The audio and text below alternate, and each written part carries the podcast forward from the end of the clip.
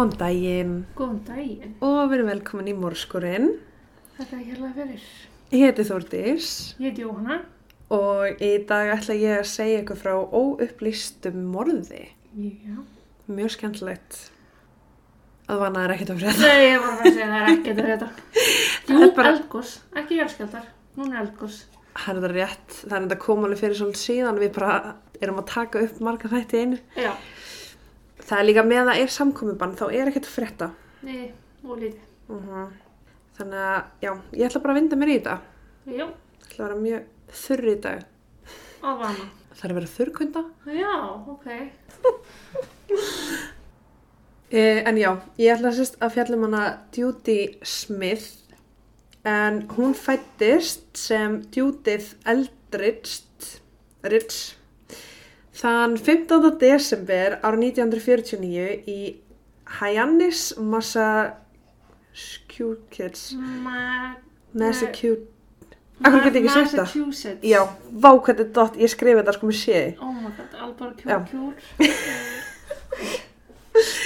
Allavega, uh, hún hafði sérst verið gift þrísasunum en fyrsti eigimarinn hennar stakk af og flúði land í vonum að sérst, stinga Vietnamstríðið Ah, ok. þannig að hann skildi hana bara eftir.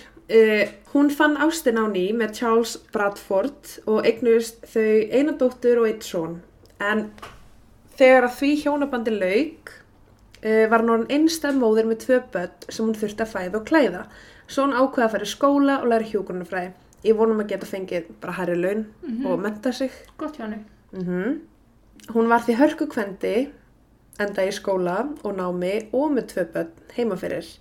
En að námi loknu byrja hún að vinna sem hjúgrunafræðingur í Boston en þar heitti hún og endanum giftist Third Time's the Charm uh, Jeffrey Smith. Hann heitlaðist af væntum þykinn hennar, hennar en Judy sá meðal annars um fadir hans eftir að hann hafi farið aðgerða hálsunum. Sest fadir hans Jeffrey. Já. Þannig kynntust þau. Já, því hún var hjúka. alveg, Já. Jeffrey átti eitt sonu fyrra hjónabandi og saminuð þau fjölskyldur sínar sem að endaði með giftingu eftir 10 ára sambúð ára 96. Þau voru hamingsum og þá var aldrei henn vandraði hjónabandinu þeirra, börnin dáðu hvort annað og bara allt gekk vel. Þau byggu í England area þar sem að Jeffrey vann sem lögfræðingur í svona þekktu livjafyrirtæki. En það var ofta tím sem hann þurfti að ferðast vegna vinnu sinnar og hann gerði einmitt það í apríl ár 97, tæpum átta mánuðum eftir að þau innsiklu sambandið. Segjum að það ekki. Eða hjónabandi, það er annað hvort. Ég meinti það. Ég er ekki með mér í dag. sko. En hann var á leiðinni uh, á ráðstefnu í Philadelphia frá 9. til 11. apríl, hann að 97.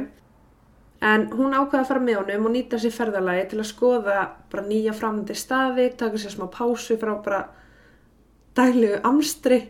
Ég get svo svarað að stendur hamstri. Já, taka svona pásu frá daglegu amstri. En þau gerðu meðal annars plönum að fara að hitta vinafólk sitt í New Jersey og ætluðu bara að hafa svona góða ferð út úr þessu líka. Já, Nýta tækifæri fyrst þau voru að fara að ferðast. akkurat. Miðvikudagi 9. apríl mættu hjónakornin saman á flugvillin til að ferðast til Philadelphia. Var mín með orðabókina við liðinu sér eða? Sko, mín gerði þetta svona tveim tímum að því ég var að drefa mig svo mikið. Það er bara all orðin. Já, ok. Þegar þau voru að innrita sig í flugið áttaði Judy sig á því að hún hefði glemt í vegabrifinu sinu heima. Hún vildi ekki að Jeff, ok, ég ætla að kalla hann Jeff hérna frá. Ok. Hún vildi ekki að Jeff myndi vera setnar ástefnuna svo hún sagði honum að fara í flugið og hún myndi bara taka næsta flug. Og ætliði þau hittast á Doubletree hótelinu þar sem að þau áttu bóka herbyggi og þar sem að ráðstefna var haldin. Nokkur tímum eftir hann mætt á svæðið hitt hann Judy sem hafði loksist lokið ferðalægin sínu. Þau voru döð þreytt eftir flugið svo þau komu sér fyrir bara og slöku á. Morgunin eftir vaknaði Jeff snemma til að gera sér kláran fyrir ráðstefnuna. Judy hafði ætlað sér að fara og skoða helstu túristastæðina á svæðinu og hann vildi því ekki vekjana en það var hann þreytt eftir ferðalegi. Hann fór nýr í matsal, fekk sér morgumat og snýri tilbaka um nýju um morgunin. Á þeim tíma var Judy vöknuð og var í styrtu að gera sér klára svo Jeff tók saman dóti sitt og bara held áleiðis á ráðstefnuna. Mm. Hann kvatt hana í gegnum hurðina og sagðist hlakka til að hitta hann um kvöldi. En þegar þau sérst planaði að hittast í svona koktelparti, Oh my god, ég er fatt hvað mál þetta er. Já, ok. já þau sérst planaði að hittast í svona koktelparti á ráðstefnunni sem átti að byrja kl. 6. Já. Og þau ætluðu bara að bera saman bækur. Ég minn eini. Mín í stöði í dag, Vá, sko. ég veit ekki hvað ég var að gera, sko.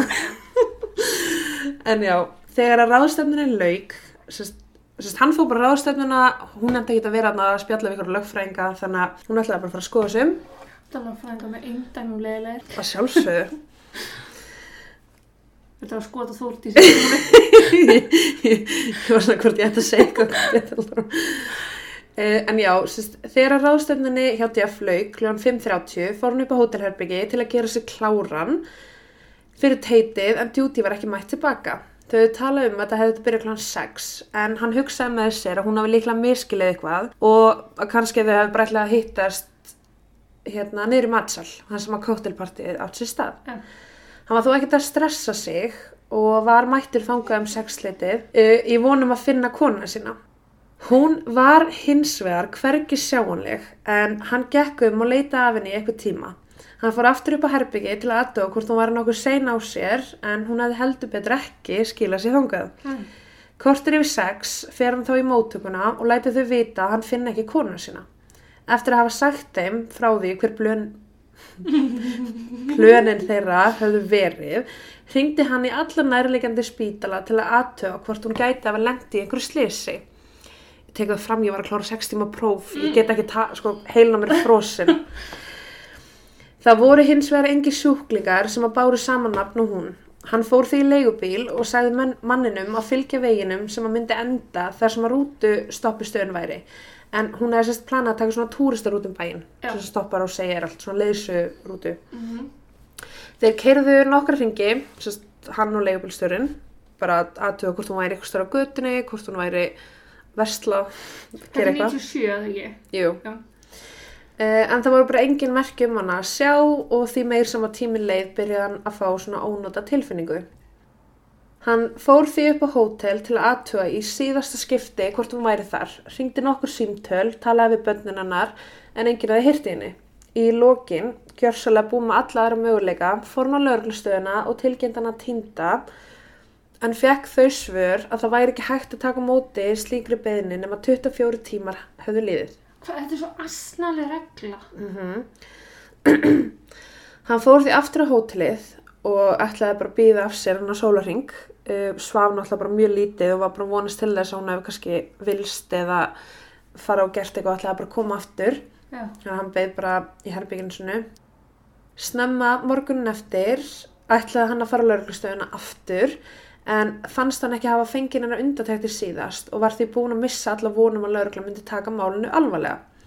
Hann vissi að virtir stjórnmálamenn í Fíladelfíu voru meitt á sömu ráðstöfnu á hann svo hann ákvaða að fara bara niður á ráðstöfnu eins og hann væri vinnunni Já. og sérst tala við tvo menn, eitt sem er meðlimur í Pennsylvania House of Representatives og borgarstjórun í Philadelphia. Hann sagði þeim frá þessu og voru þeir bara mjög nixlaðar af viðbröfum lauruglunar augljóslega. Já. Eftir að 24 tíma liðu og með sambundum sínum við stjórnmálamennina byrjaði lauruglan að grugga þessi málið en þó ekki eins og maður hefði vonað. Einn kenning kom snemma fram frá lauruglunni að Judy var að gangi gegnum gráa fyrringin og hafa yfirgefa hann á eigin vegum.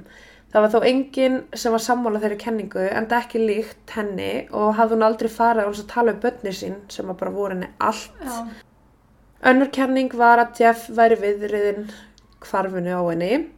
John McInnes í lauruglunni sagði óbyrbarlega í viðtali að lauruglan sé að reyna að hafa opin hug um hvað gerðist og að þegar tölfræðin er skoðuð er 85-90% kvenna drefnar af þeim sem að standa um næst, mm. makar fjölskyldaði svo. Hann sagði frá því að þeir þyrftu að skoða Jeff Smith sem grunan mann þar til að sönnagögn benda á annað. Þannig raun hann er ekki saklaus unnsekti sönnur, hann er segur unnsakleysi sannað. Já. eðlilega samt er hann undir grunn. Já, auðvitað. Í byrjun. Já. Uh, já. Um, hann sagði frá því að þeir þurftu að skoða Jeff, sögurinn að mann. Dóttir hennar, Judy, Amy, hún var tekinni við talörglu og var Jeff vinsanlega spilum að fylgja hann ekki þangað, nýja hann mátti ekki vera viðstættur. En lögregla reyndi með því að fá slæmar upplýsingar um Jeff og vildi reyna að ná einhverju úr henni sem að málega mynd af skrimsli en fengur einn bara akkurat anstæðuna við það. Hún lísti Jeff sem góð manni sem elskaði móðurnar, borgaði alltaf skattu sinn, já, tók að sérstaklega fram, og var mjög virtum maður í samfélaginu sem þau byggi. Hugmyndin um að hann hafi gert þetta var ekki til og það trúði engin upp á hann sem að þekkti fjölskylduna. Hann var beðin um að fara í svona lígapróf en hann samþykti það með einu skilirði sem var að FBI myndi taka og þegar þeir myndu, þegar hann myndi st- standast prófið Já. að þá í kjölfarið ætti FBI að blanda sér í málið og hjálpa til við rannsóknuna en það treyst hann ekki lauruglunni neitt til að sjá málið hennar. Nei. Lauruglan uh, þvertók fyrir þetta og sagði bara við alla og sagði óbyrbarlega hann hafi bara neitað að taka legapróf sem var bara ekki rétt og málið bara ákveðna mynda á honum bara eins og hann hafi átt hluta máli Já. en hann setti bara skilir hann treysti ekki lauruglunni hana, sko. og legapróf, segi ekki neitt hver sem er kennst í gegnum þessi próf Aha. Eða hver sem ekki getur fallið. Ég er að segja það, já. Lörglann segði frá því að FBI myndi ekki taka þátt í þessu en það var þetta freka mikið borlíkjandi, mál og tíminn myndi leiða í ljós kenningu lörglunar. En sérst, FBI sagði einnig frá því að þrátt fyrir að þeir hafa ekki verið bennir um aðstofað málið þá Já. hefðu þeir aldrei tekið þátt. Af því að voru engin sönnagögg sem að tengd hana við að hafa farið að svæðinu. Sérst, eins og í síðasta þætti þá voru þetta Federal Police, Já, State. Police. FBI getur ekki bara blanda sér inn í mál Nei. þeirra. Þeir eru ekki lögsugu, eða þannig. Nei, og höfðu enga heimild. Já. Lauruglan byrjaði þá að rannsaka það hvort Judy hafi yfir höfu komið til Philadelphia. Það var þó fljótt afsannað þar sem að starfsfólk hótelsins sá hana og hafði hún einnig verið kynnt fyrir einu manni sem var á ráðstefnunni með Jeff manninu sinum. Lauruglan leitaði í herbyggina þeirra og tók eftir mjög einkjönulegu dæmi en hún sérst hvarf á þess að skipta um fött. Mér finnst það einkjönulegt. Ok. Að því hún átti að vera bara á þetta koktelpartí, meinar það að... Nei, sko, sérst, einu fötin sem að vanta úr töskunarnar voru fötin sem hún flög í til Philadelphia Já, og ok. hún var því í sömu fötunum daginn eftir þegar hún fór að skoða bæinn Já, það er skrítið. og sérstaklega í ljósið þess að þegar Jeff fór í mat þá var hún í styrtu Mm og þú ert búin að vera í þessu fötum að ferðast sveitt í ykkur flugi að að rífa lang, ég, ég er að segja, þið langar ekki að fara í sömu fötin aftur sko. Sko. en ég veit ekki uh, dóttir hennar sagði að þetta væri ekkert óvernulegt Fyrir hana. Já, að vera bara svona sveitt kona. En uh, það sem að þótti líka mjög einkennilegt var að sérst, inn á hótelherbygginu var bara svona, svona bleikar krullur. Já, svona rúllur. Já, svona, til, að, já, Já. til að gera krullur í hárið. Það var ekkert málingadót, það voru enga snirtuverur, sjampo, hárnaring og það voru bara mjög fáföt Ok. og það er bara eins og að við pakka fyrir sko valla einn dag. Já, meinar.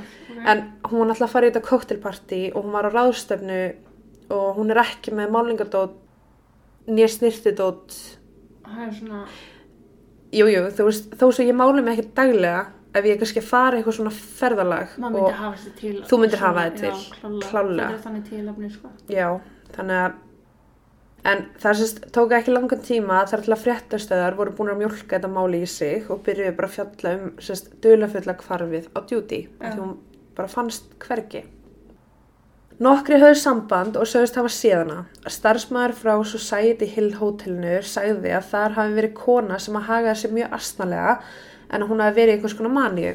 Hún var á hótelinu frá sérst, 13. til 15. apríl, þau voru frá 9. til 11. Mm. og bara talaði kona við sjálfa sig, öskraði hann að fólk upp á þurru og þegar að vera, vera að tala um greiðslu á herbygginu þá sagðist hann alltaf að láta senda peningana í gegnum bara Western, Western Union. Það er banki. Já, hún ætlaði sérst bara láta bankan millifæra greiðsluna. Uh, annar starfsmæður á öðru hóteli sagði að kona sem að leiti út fyrir að vera djúti hafi komið inn og nota síman daginn sem hún hvarf eða um 4.30. Sagði hann að vera körfi með ljóst hár með make-up í andlitinu Já, ok. og gleru. Lauruglan mætti á svæði og fyrir tilvílun fundir sömu konu og starfsmennir höfðu verið að vitna í og, og því staðfest að ekki var um djúti að ræða. Mm. Einn maður sá konu sita hjá verslun á svæðinu klukkan 6 um morgunin eftir að hún hvarf og heimilislaus maður sá myndafinni og sagðist það var síðan að sofa okkur um bekk. Eina vitni sem að sá hana sem var líklegt var... Ég er svo hljóð. Eina vitni sem sá hana sem var líklegt var kona sem var í verslun á svæðinu en hún tók eftir því að kona eins og Judy hafi verið hana með rauðan bakpoka og hún hefði sérst verið að versla föt fyrir dóttur sína. En þessi kona hafi einni reynd að fá einhverja stelpu til að yfirgefa svæði með sér sem var auðvitað ekki til í það. Mm. En fjölskyldan hann trúði því að þetta væri einhver bara heimilislaus kona á svæðinu en sonurinn að sá sérst mynda henni Já, og sagði bara ok, vá, ég held að vera mamma. já ok. Mikið en svo mikið. Já, þannig að flesta þessu fólki sem hefur verið að sjá þessa konu er fólki sem er að ringja inn og bara ég sá hana sofa bekknum, ég sá hana þarna. Í raun bendir allt bara á einu sömu konuna. En það var einni starfsmæður á hótelinu sem að man eftir því að miðugdagskvöldið sem að hún, þau komu bæði hafi Jeff gefið henni blóm. En hún tók einn á móti innritun hjá Judy þegar hún mætti á svæðið og sagði að konan hafi sínt kort sem er með hennar nafni þannig að það er bara engin vafa á því að hún hafi ekki mætt. Þegar vil sérst meina að hún hafi aldrei komið til Philadelphia Mm. Og eitthvað er gerst fyrir hana heima Já. en það var alveg búið staðfesta með þú veist, eins og flugmiðan og Mm allt svoleiðis Já, hún hafa farið umborð í Mhm. flugi, já. já, það var allavega einhver sem fór um borði í flugið með hennar nafni og hennar kortum Akkurat. það er þó þannig að þessi kona sem að sagðist hafa séðan Já. uh, á svæðinu uh, var vissum að þetta hefði verið hún en þegar hún skoðaði vaktaplanin sitt þá tók hún eftir því að hún var ekkert að vinna þennan dag það er svona það versta við vitni sem við tellið sig hafa séð eitthvað og ruggla saman dögum. Mm Yfirmaður laurugludeildarinn á svæðinu er náttúrulega bara enn með sínar efasendir um að hún hafi nokk tíma að koma ánga en hann sagði í einu viðtali að það sé margir dölufullir atbyrði sem að leiða að hvarfin hennar meðal annars að þau komu sikkur lægi Mm. þau hittast í lobbyinu og þau auða deginum í sikkur lægi hún er ekki með mikið að dóti með sér og eina sem var á hótelherbygginu var eiginlega bara ekkert valla föti skiptana. Jeff var orðið mjög ágifullur, lauruglan fylgdist meira með honum heldur en að skoða aðra ábendingar sem að fylgdu í kjölfæra fréttaflutningi. Hann reyði tvo engarspæra til að leita af henni. Þeir töluðu við marga af þeim sem að höfðu ringt og séð hana en voru vissir um að það væri bara ekki um Judy að ræða. Lauruglan var byrjuð að telja að Judy væri ekki í Philadelphia lengur og sagði í ofnbyrju viðtali if Judy was ever actually in Philadelphia. Þeir voru bara mjólk þetta, hún hefði aldrei komið. Þeir eru búin að svona lita rannsóknina rosalega mikið Já, þú veist, þeir eru raun bara búin að mála hann, mynda honum. umfjöllunina á ég við, Já. ekki rannsóknina. Já. Já. Þann 7. september árið 97, tæpum fimm mánuðum frá því að Judy hvarf, voru faðir og sonur að ganga um í Piska skóginum í Norður Karolínu, rúma 800 km frá Philadelphia. En þar fundu þeir líkamsleifar sem búið var að vefja inn í blátt teppi. En líkamsleifarnar voru hálfgrafnar í gröf í skóginum en stóðu mestum hluta upp úr Mm. og fötin voru enn á staðnum. Já, ok. Réttameinafræðingur fann út að þetta væri hvít kona, aldrei um 40-50 ára, sem hafði verið búin að láta laga tenninar sínar til muna. Ok. Dánar orsök voru stungursár en búið var að stinga al nokkur sinnum í hana sem að leiti til dauða. Engaspæjarar á vegum Jeff höfðu farið bara út um alla spítala með myndafinni og upplýsingar ef til þess kæmi að hún myndi skila sér ángað. Og réttameinafræðingur man eftir að hafa séð myndaðinni svo hann dróð fram tannlæknaskíslur og bara staðfyrst að þetta væri hún. Já, ok. Það var bara ekki vafi. Já, samkvæmt tannlækna, tannlæknaskíslum. Já.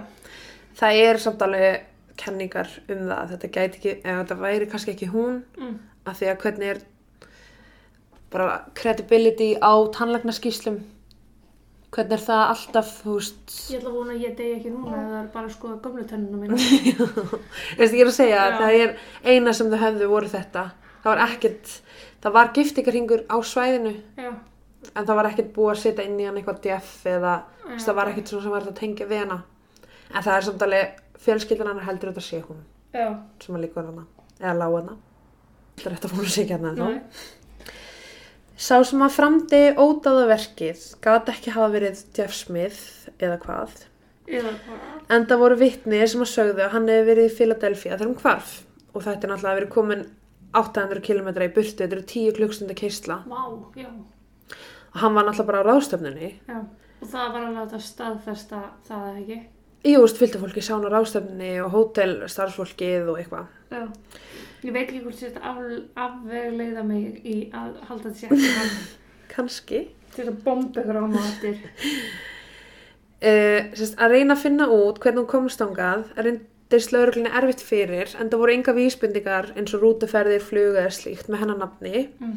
sumir heldur því fram að hún hefði fengið far með ókunnum aðla eða aðla sem hún þekkti en það er náttúrulega bara ekkert hægt að staðfesta það á þessu stegi rannsóknar Það sem að þótti mér dölarfullt er að hvorki vinurinn hann er fjölskylda höfðu heyrt Júti minnast á þennan skó nýja að henni hafi langað að fara ángað voru ekki eins og viss hvort hún vissi hvað þetta var. Nei, Fjölskyldan sagði að hún þekkti ekkert til á þessu svæði og bara engar sem bjóðna í kring. mm. En það sem að fannst á svæðinu var giftingarhingur og það var blár bakpoki og sólglöru. Í bakpokanum voru vetraföt og 80 dólarar. Fötin sem að fundust á líkinu voru gallabuxur, nærföt og göngurskór en það var ekki föt sem að fjölskyldan kannast við. ok. Þau sem gátt ekki sagt til um þetta væri fötin hennar. Nei, Nálægt líkinu var bólur grafin og þar voru aðrir 87 dólarar en talið var að Judy hafi haft meðferðir sem 200 dólarar þegar hún fór út daginn sem hún hvarf. Það vart kom með 167 dólara. já, Á svæðinu fannst hvorki veskin og önnur staðfesting á að um Judy var að ræða nema náttúrulega bara giftikringurinn sem var óskup vennilegur. Sólglerun sem fundust voru mjög dýr og fjölskyldan sagði að Judy myndi aldrei eða svona peningum í sólgleru svo það bara ljósta það er ekki hennar. mm. og st- hún, já, já, rauði bakpokinn sem að hún var með, með á sér þegar hún fór út af hótelherbygginu fannst hvergi og hjá líkinu var blár bakpokki sem Já, eitthvað ok, ok. skrýtnasta sem ég veit eh, en það var sérst talið að morðingin hefði átt bakpokan og sólglerun já, já, já, já, þannig að morðingin átti þessi vetraföt sem að voru í bakpokanum Voru það hvernmanns eða kallmanns vetraföt? það er svo sem ekki sagt um það þeir eru búin að halda rannsóknir mjög mikið að sér Mm. Þeir eru ekki að segja Já, að hluti. þetta er óleist auðvitað. Eins og við sáum í rauðagerðismálunni. já Jesus. Það er bara þeir að halda öllu að sér. Geggjur hans og. Lauruglan í Asjaville, sem er sérst bara bærin hann hjá þessum Já. skó og nágrinni, byrja að leita vitnum sem að mögulega gæti að sé hana einhverju daga fyrir morðið. Já. Já, þetta heyrist Út af eldgóðsunu þá eru svona átján þyrlur að dag. Þar með þú, takk. Láttu mig- Flýgur henni. Láttu mig þekkja það. Eitt vitni sem að vann í verslun á svæðinu, þannig í Asjaville, uh, man eftir að talað við hana og sagði hún sérst bara að Judy hafi verið mjög ljúf Mm. og það var bara ekkert sem að leita út fyrir að væri eitthvað að. Nei. Og sérst Judy hafi sagt henni frá því að maður henni var lögfrængur, þau voru frá Boston en hafði verið í Philadelphia á ráðstefnu. Svo hún hefði á, bara ákveðið að nýta tíman og fara þangað og skoða sig um. Ok, þetta er svona eitt af svona fyrstu reliable vitnum þá. sem Já, en hún er samt basically að segja að Judy hafi bara ferðast í tíu tíma til að skoða einhvern skó. Já, en allan að, að einhver hafi hitt konuna skilur og gætt staðfest um að þetta væri Já. hún. Uh, það var sko eitt fjölskyldivinnur hana, sem að sagði frá því hún hefði mögulega farið til að taka pásu frá hjónabandinu sinu en þú veist að hún hefði ætlað að yfirgefa Jeff en það var bara engin annars eitthvað staðfesta Nei. En sérst, Jeff var líka úr, úr sérst, ríkri fjölskyldu og hann var lögfræðingur Mm og hann sá mestmægnis um allt sem að tengdist heimilinu Judy átti ekki neitt Fjármálum þá. já, Já. þú veist Judy átti ekki mikið þannig að ef hún ætlaði að fara frá hann, gerði hann það ekki bara þú veist hún hefði hvort sem er ekkert fengið neitt Nei. út eða þú veist Hún hefur kannski áorkan eitt niður krabaninu. nei hann er alltaf ekki talin vera ofbildsfullur eða neitt sko þannig að hún þur, hefði ekki þurft að vera hrætt Í alveg. Það er að spjalla núna. já, það voru sérst tvö vitni sem að sá hana og sögðu hún hefði verið að keira gráan setanbíl Mm. Eh, Eitt vitni var eigandi tjálstæðis á svæðinu, ekki langt frá skóginum sem hún fannst, sagði að hún hefði komið á gráum bíl sem var fullur á kössum. En hún spurði hvort hún mætti gista á svæðinu í bílnum sínum, en fekk náttúrulega bara neitun undir tjálstæði, Já, já. getur ekki bara koma á bíl og gist. Já. Þannig að hún kerði bara í burtu og sást ekki aftur. En það var einnig búðareigandi á svæðinu sem sagði að hún hefði lagt fyrir utan á sama bíl uh, komið inn, kefti samloku og bara dótabíl, bara toy truck, fyrir 30 dollara. En það stemmer alveg við upp að henni sem hún átti afgangs og peningum, peningnum ef hún átti 200 dollara, veist, og hún átti 167 sem að fundust á henni. Oh En þá var líka bara eitthvað fyrir hvern var bílinn. Um, það var einhverju kenningar um að hún gæti að halda fram hjá Jeff með manni sem átti batn og bílinn var fyrir hann. En af hverju Kenningin hún... út frá bara bílinum sjálfum. Það, já, já. Já.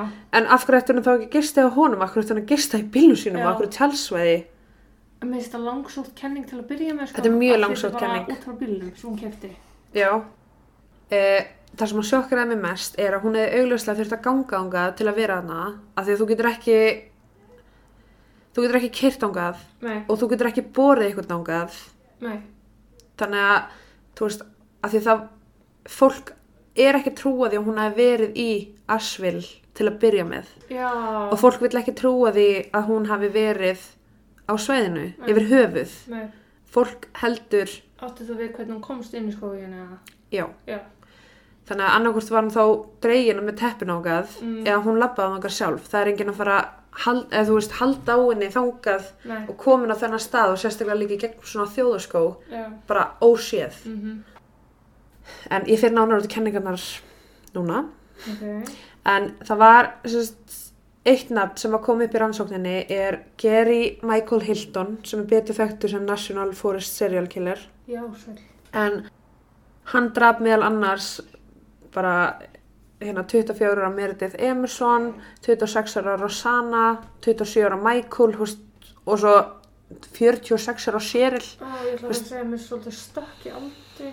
Já, þetta var bara, hann, hann draf, hann bara satt og beið eftir fórnalampinu og bara hver kom næst, hann tók það, fórnalamp. Var það emóðan, hvernig hann var hann er að... Já, Nú, ok, en samt allt svona unga konur. ég sem voru að brota skokka í skóginum. Já, ok. Í óttabér ára 2007, tíu árum eftir að líkið fannst, voru John og Irene Bryant sem voru á áttræðisaldi, aldrei by the way, í þessum sama skógi. Hilton hefði beðið eftir fórnalömpum sínum, sérst hann bara satt og beið. Já. Hann hitti hjónin, drap Irene því með því að lemja hana í andliti nokkur sinnum, ekki langt frá því þar sem að líki hana djúdjör fannst. Hann rændi síðan John og þvingaði hann í að gefa sér hraðbókakorti sitt og númerið. En John var skilin eftir í skóginum en lifði bara atbyrðin af Já. og gæt þar alveg endi vitna fyrir það, hver, þetta- hver gerði það. Og þess vegna var hann til að handtekja eða... Já, eða sérst, já, eitt af ástofunum fyrir því. Já. En Hilton fekk sérst bara döðaröfsingu í mismunandi fylgjum bandarækjunum. Já. En hann var sérst mest þekktu fyrir það að dömpa fólkinu í þjóð, þjóðarskólendi hverju sinni. En það var sérst engin sönnugögn fundi sem að tengja hann beint við Judy. Fólk vil bara, fólk sér bara National Forest Serial Killer og Judy dó í Í National Forest og bara, bam, hann gerði það. Þetta. Þannig að það er mjög ólíklegt að hann hefði átt eitthvað með þetta að gera. Af því að enn og aftur, það er alveg smá ólíklegt hún hafi verið að ganga þarna. Af því hún fór út klukkan nýju morgunin frá hótelinu, þar sem hún var með mannum sínum. Og svo er hún bara þarna, þú veist, að ganga og skoðum og var samt búin að plana að hitta manni sem klukkan 6 í. Það sann, sko. Það, meikar engan sens. En það meikar samt ekki sens að hún hef ekki leppað þarna sjálf. Einnig var skoða betur Louis Kyle Wilson en hann var handtekinn fyrir nauðgun og líkamsárás gegn vendiskonu árið 2009. Hann aðeins sótt hana, barða hana meðutundalösa og stundaði kynlífi með henni. Hann stundaði ekkert kynlífi með henni, hann er. Já. En tók hana sérst á þetta sama svæði og Duty fannst. Og hún lifði af og náði að komast undan og bara vitni gegn honum. En þar leðandi var hann einnig bendlaði við morðið á Kelly Lane Smith sem að hafi verið rænt, í, skorin í bita. En sérst eina tengingin er að þetta eru sama svæði. Já, ok. Það er ekkit annað sem er hægt að benda á þessa tvo gæjar nema bara þetta eru sama svæði. Já. Um, svo er um að ræða Karen Stiles sem var 22 á hvarf á Halloween ára 1994 eftir að hafa verið skokka í skóginum. Líkaslegunar hennar fundust mánuðu síðar og var hann sérst nauðgað, hún var bundin við tré og skotin í höfuð með rifli. Lauruglan fann morðingin hennar sem var Richard Alan Jackson með því að finna út hvar morðvopnið var, keift en hann sérst viðkendi það og fekk döðuröfsingu. En nú er ykkur að skúra yfir að henni. Þú er smá breyn. Uh, en já, sérst, hann fannst þarna eftir að Judy hvarf þannig að það var einhverja möguleikar að að hann hefði kannski gert hann þetta Já. fyrst hann gerði þessari stelpu þetta í þessum skógi. Uh, svæði sem að Judy fannst á var einnig með nokkur óleist málmál uh, varandi sönnagögn, nýjar upplýsingar eða eitthvað sem að geti fært okkur nærði að finna út hvað gerðist, það hefur ekkert komið fram. Lörglann heldur því enn fram að Jeff hafi haft eitthvað með þetta að gera þrátt fyrir no að nokkru kenningar benda til þess að einhver hafi nauðgæðinni að þá er ekkert sem bendi til þess annað en að það var sérst búið að skera skýrtun hennar í tvenn. Já, ok. Uh, Jeff lest árið 2005 og börnun hennar, Greg og Amy hafa aldrei fengið einn svör. En sérst bara til að draga saman einhverju kenningar, nokkru af þessum kenningum var sérst bara, nummer eitt, hún var sérst á svæðinu þegar hann langaði svo skoða sig um og var drefin þar.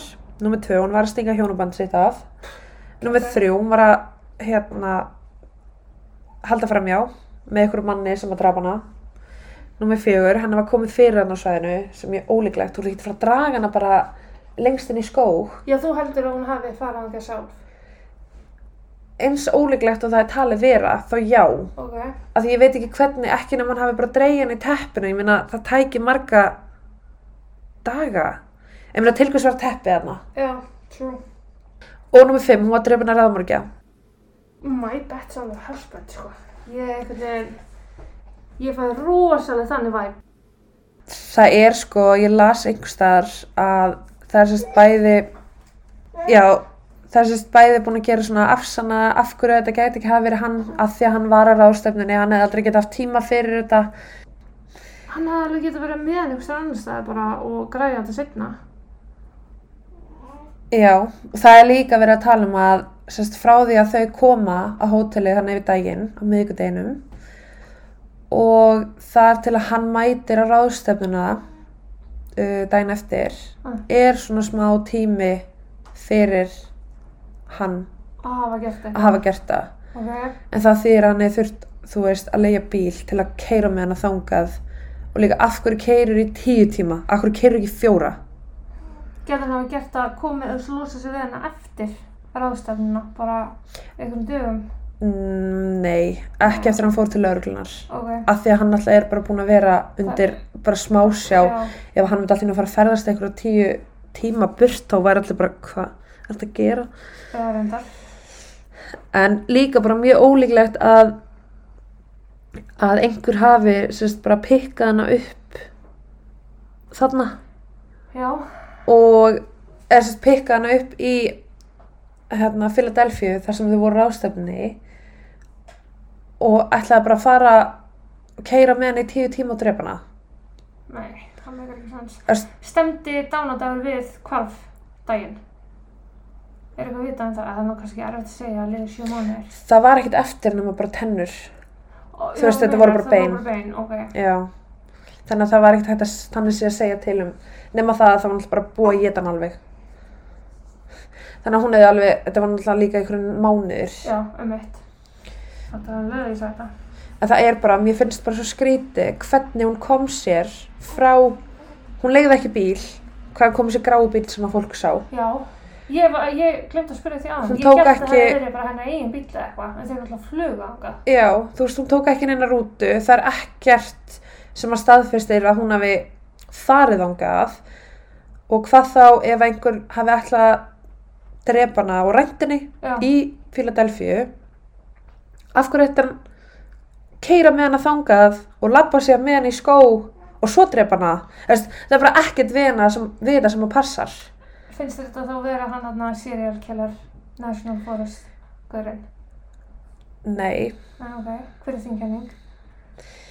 uh, sko ég verði eiginlega að halda í það að hún hafi farið ánga sjálfileg Ok, en tíu tímar já, þú veist að tekur tíu tíma að fara eitthvað og þá veistu líka að þú ert ekki að fara að mæti koktelbóði að hitta manniðin nei.